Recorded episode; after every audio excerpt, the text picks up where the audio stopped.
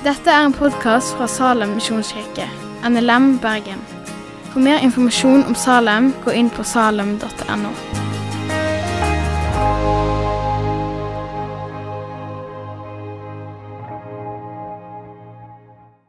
God morgen. I dag så skal vi virkelig si til hverandre god morgen. For i dag så er det den beste morgenen. Det er påskemorgen. Det er den største høytidsdagen for oss kristne. Det er den grunnen til at vi samles til gudstjeneste hver søndag. Før denne dagen så samles Guds folk på lørdagen. Fordi skapelsen var det største Gud hadde gjort. Og han skapte på seks dager og hvilte på den syvende, på sabbaten. Og derfor holdt de lørdagen hellig. Men oppstandelsen som skjedde på den åttende dagen, på den første dagen i uka, på søndagen, den var enda større enn skapelsen. Det er det største Gud noensinne har gjort. Og Derfor så feirer vi Herrens dag på søndagen. Og spesielt denne søndagen på påskemorgen. Vi skal snart lese fra søndagens tekst. Og når vi er samla her til vanlig i samme bygg, så pleier vi å reise oss når vi leser teksten. Og det gjør vi for å vise respekt for Guds ord. I en eh, rettssal, når dommeren kommer inn, så reiser alle seg, fordi han er den største og den mektigste i rommet. Og når vi er samla, så reiser vi oss når vi leser Guds ord.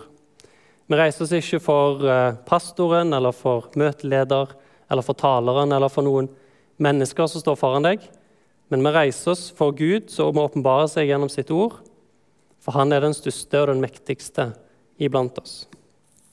Så hvis dere har lyst hjemme i heimene deres og reiser dere når vi leser sammen, så må dere gjerne gjøre det. Og Søndagens tekst står i Lukas kapittel 24 og vers 1-9. Men på den første dagen i uken, tidlig i dagningen, kom de til graven. De hadde med seg de velluktende urter som de hadde gjort i stand. Men de fant steinen rullet fra graven. Og da de gikk inn, fant de ikke Herren Jesu legeme. Og det skjedde mens de sto der i villrede om dette. Se, da sto to menn hos dem, kledd i skinnende klær. Kvinnene ble forferdet og bøyde seg med ansiktet mot jorden. Da sa mennene til dem, 'Hvorfor søker dere den levende blant de døde?' 'Han er ikke her, han er oppstått.'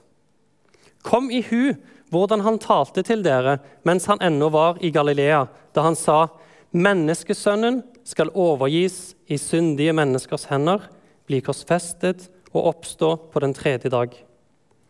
Da mintes de hans ord, og da de kom tilbake fra graven, fortalte de alt dette til de elleve og alle de andre.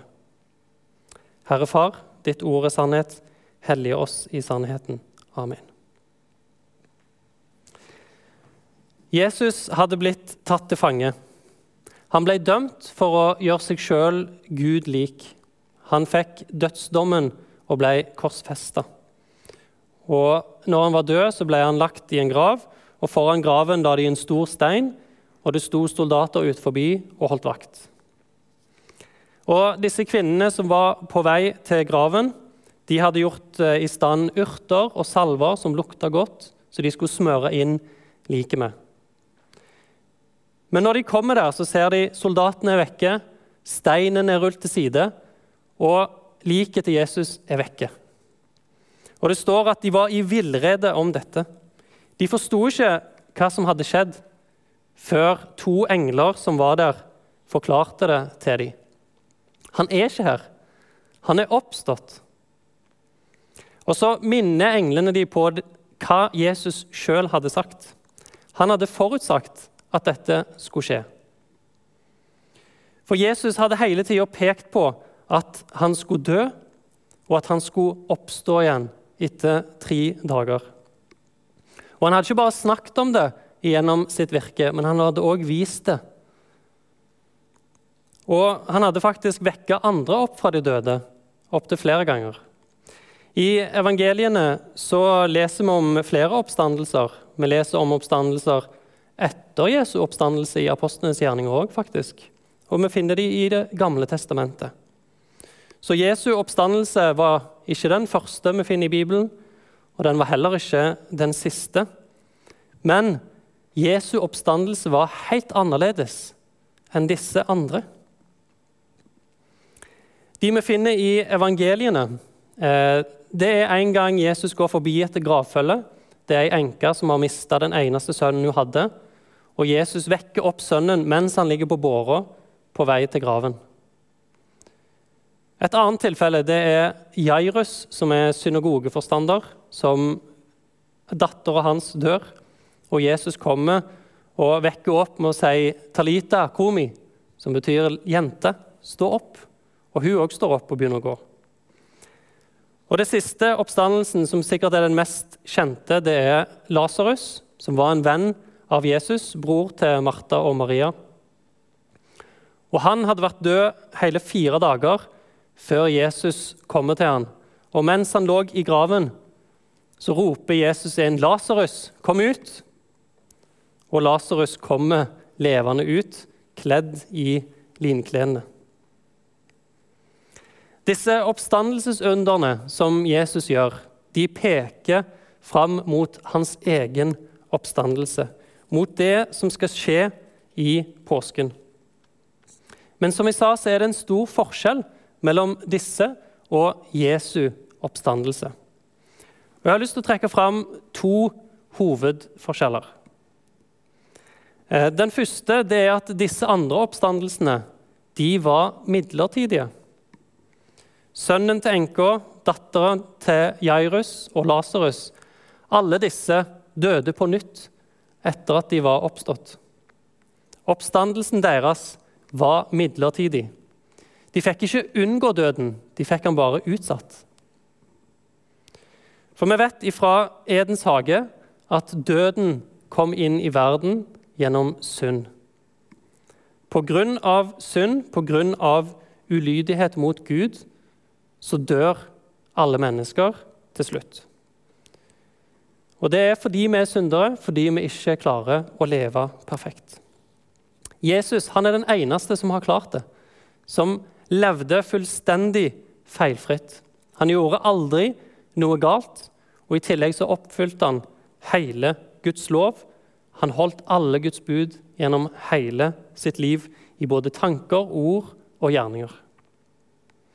Og nettopp pga. dette, nettopp fordi han var uten synd, så klarte ikke døden å holde fast på han.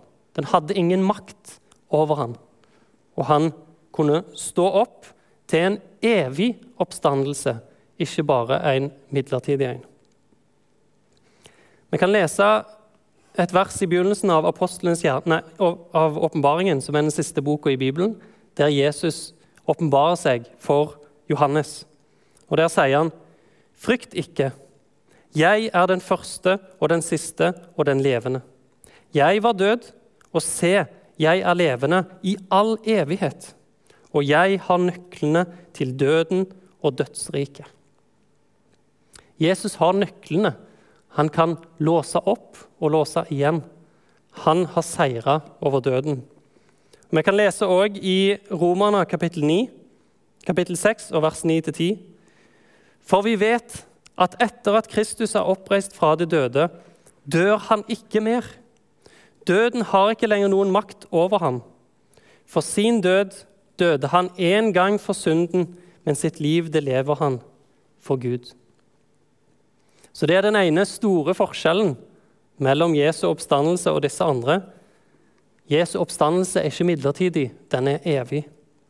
Han har oppstått og skal aldri mer dø. Han skal leve til evig tid. Og Den andre store forskjellen det er at Jesus oppsto som vår stedfortreder. Vi er flinke å huske på at Jesus døde i vårt sted for vår skyld og tok straffen på seg sjøl. Men han oppsto òg i vårt sted fordi han hadde oppfylt loven i vårt sted. Vi kan lese igjen i Romerne kapittel 6. Eller vet dere ikke at alle vi som ble døpt til Kristus Jesus, ble døpt til hans død?